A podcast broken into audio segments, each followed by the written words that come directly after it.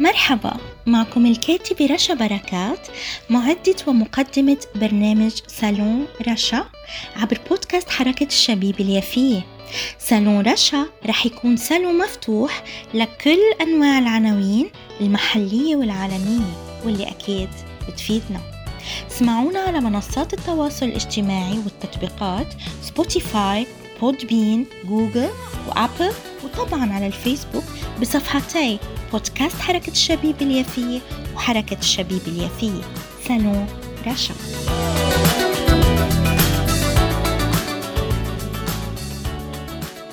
أهلا وسهلا بكم أعزائي محبي ومتابعي كل برامج بودكاست حركة الشبيبة اليافية. آه، أما اليوم في صالوني أحببت أن آه، ألفت النظر إلى آه، مجلة المقدسية. هناك مقالات مهمة بالعدد رقم خمسة عشر وهو في صيف 2022 إذا في مجلة المقدسية. آه وكذلك ما لفتني بهذا العدد أنه بدأ بمقالة حول الشهيدة الراحلة الباقية شيرين أبو عاقلة. حبيبتنا حبيبة كل فلسطيني حقيقي. وحبيبة كل حبيبة قلب كل من يدعم الإنسانية جمعاء. كل من له قلب نابض. وكان ومن كتب حولها هو الأستاذ الدكتور سعيد أبو علي. إذا كانت هي آه هذه المقالة هي البداية مجلة المقدسية لهذا العدد العدد 15 صيف 2022 حيث كان عنوانها شيرين إلى القدس من جنين المشهد والرسالة. آه، ما لفتني بهذه المقالة حولها وطوبى لها آه، أن الكاتب الدكتور سعيد أبو علي قد بدأ كما يلي في الحادي عشر من أيار 2022 بمخيم جنين استشهدت الصحفية الفذة شيرين أبو عاقلة مراسلة قناة الجزيرة لربع قرن من الزمان. تلك الفتاة المقدسية الجميلة. وادعة الملامح موضوعية القول حازمة الموقف الشجاعة إلى حد المجازفة المهنية المحترفة باقتدار الميدانية التي لا تتوقف عن النشاط إلى الحد الذي تجاوز فيه أداؤها مستوى التميز المهني. إلى الإيمان الأعمق بما هو أبعد من الرسالة ذاتها وهو هدف وغاية هذه الرسالة المتمثل في إيمانها بقضية شعبها والتزامها بالدفاع عنها.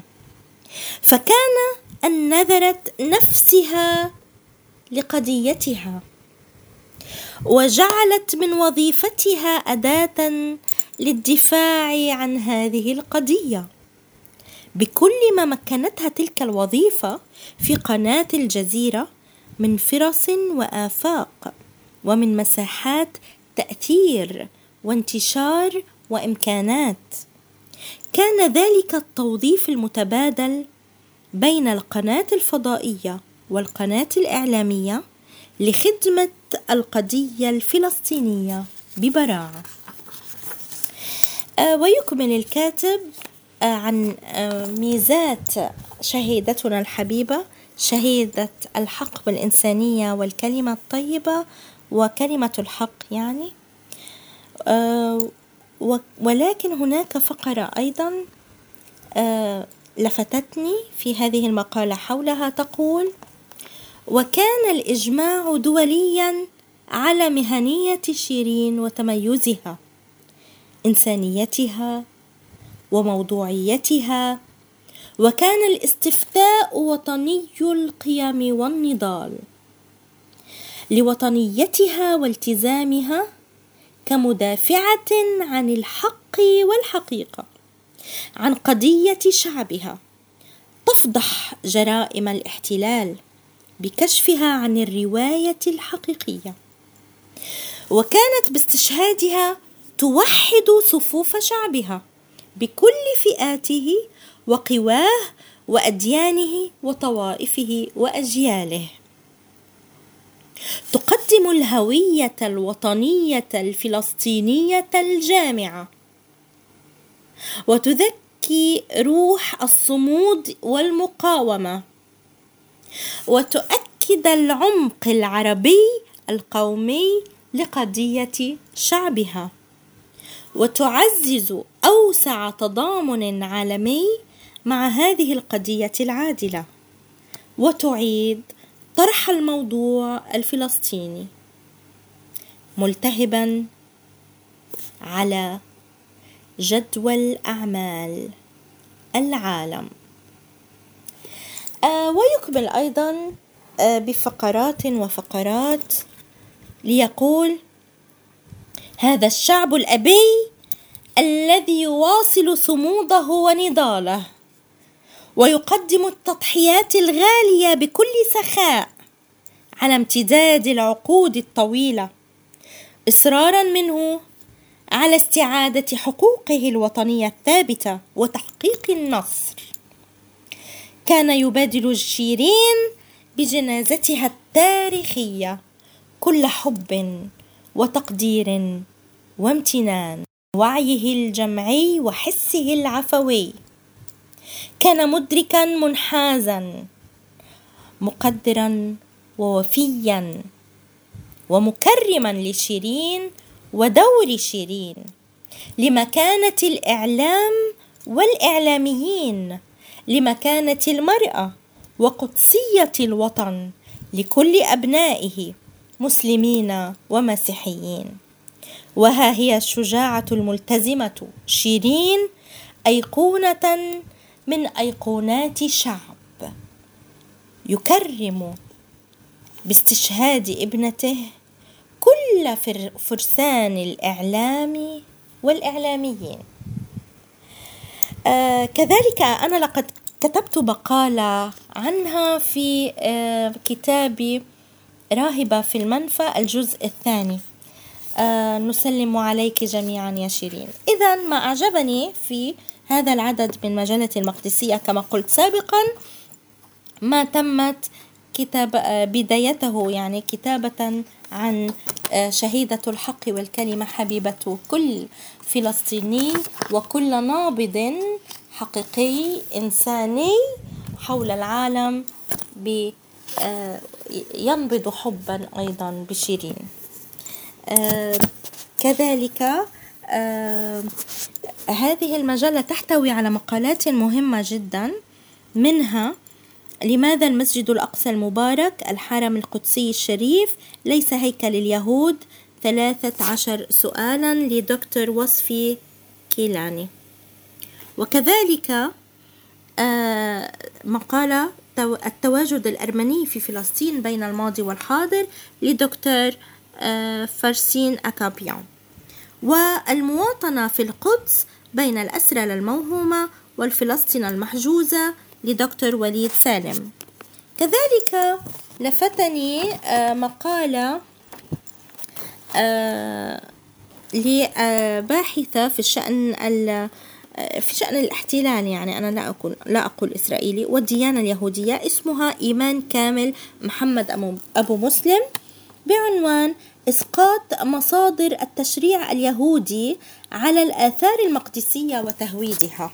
ومن ضمن ما كتبته في المقالة الباحثة إيمان كامل محمد أبو سالم أو أبو مسلم عفوا آه، من ضمن ما كتبته عناوين مهمة جدا ومنها من بينها يعني آه، أولا الاستيلاء على المكان بتدمير القرى الفلسطينية والمدن حيث قالت أو كتبت لعبت حرب عام 2009 1948 آه، دورا كبيرا في إخلاء الكثير من الفلسطينيين من من قراهم وسببت تدمير معظمها وإقامة مستوطنات صهيونية على أراضيها. طبعا ليس فقط القرى إنما المدن يعني المدن المهمة وأغلب, وأغلب المدن. آه لكن سأكمل ما كتبته لأنها وهنا تشدد على القرى لأنها تطرقت إلى تفصيلات وتفنيدات عن القرى. آه إذا فمنذ تكمل الكاتبة فمنذ أواخر العهد العثماني وطوال فترة الانتداب البريطاني أخذت الصهيونية تسعى للحصول على الأراضي العربية بشتى السبل حيث عملت بعض المؤسسات الصهيونية مثل القيرين قيمت الصندوق القومي اليهودي والقيرين هيسود يعني الإدارة المالية لبناء الوطن اليهودي والييكا الجمعية اليهودية للاستيطان في فلسطين. على توسيع نشاطها في حقل الاستعمار الزراعي وتملك الأراضي.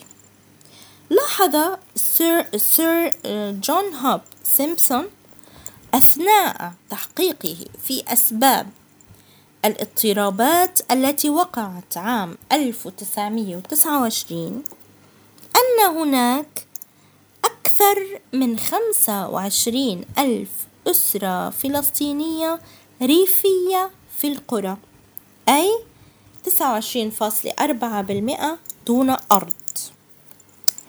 ومن أهم القرى التي تم تدميرها ومحوها إبان الحكم البريطاني هي التالية. وهي تفند ب ب ب يعني بفقرات بسيطة صغيرة حول تلك القرى. سأسميها أنا ولن أفن أقرأ التفنيدات. إذا وتعرف عنها يعني.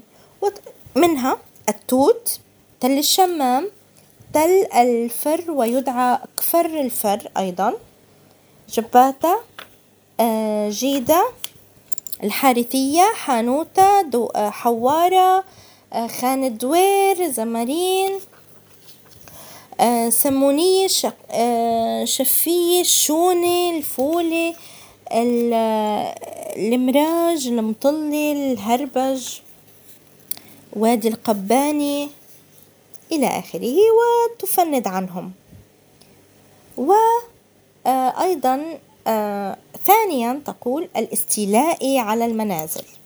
ماذا قالت في موضوع الاستيلاء عن المنازل؟ على المنازل عفوا. كانت عملية طرد الفلسطينيين من بيوتهم ووطنهم تجري وفقا للخطط العملية التي وضعتها العصابات الصهيونية المسلحة أي الهجانا وبموجب الأوامر الصادرة من أعلى مستويات القيادة الصهيونية.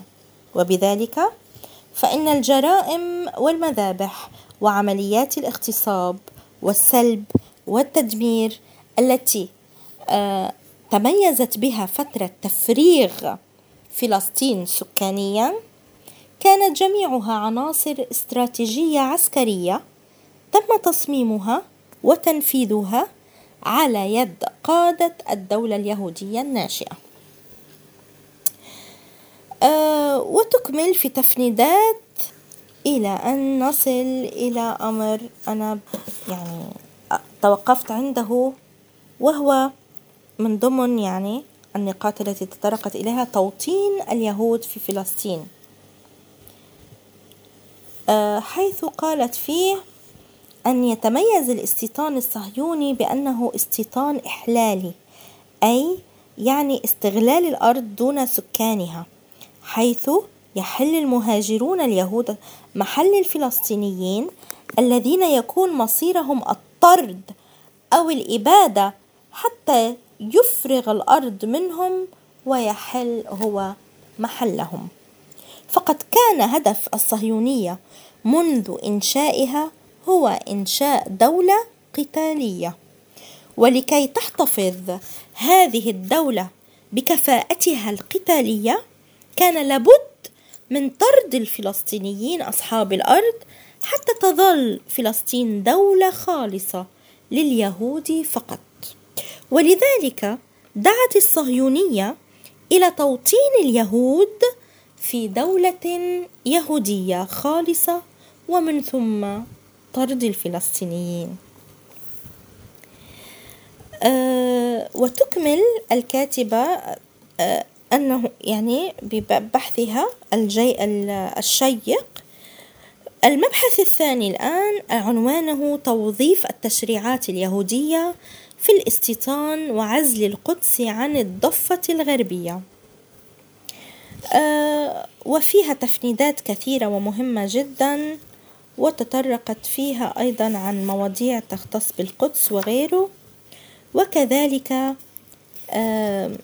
ما لفتني أيضا بالمبحث الثالث عنوان مظاهر توظيف التهويد في طمس المعالم الإسلامية والمسيحية في القدس وتحويلها إلى يهودية.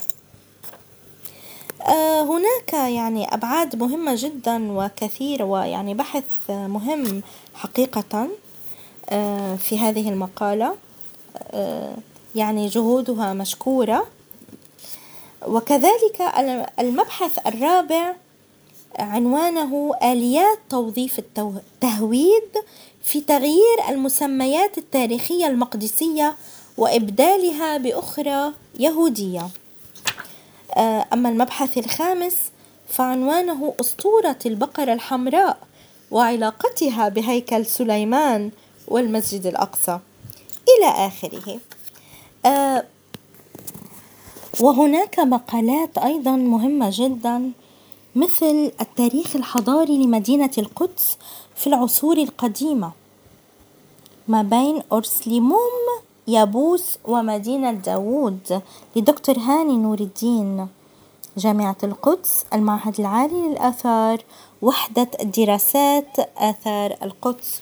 وكذلك آه، إجازة الشيخ الصوفي أحمد الهدمي للشيخ أحمد الهندي لدكتور حمدان طه.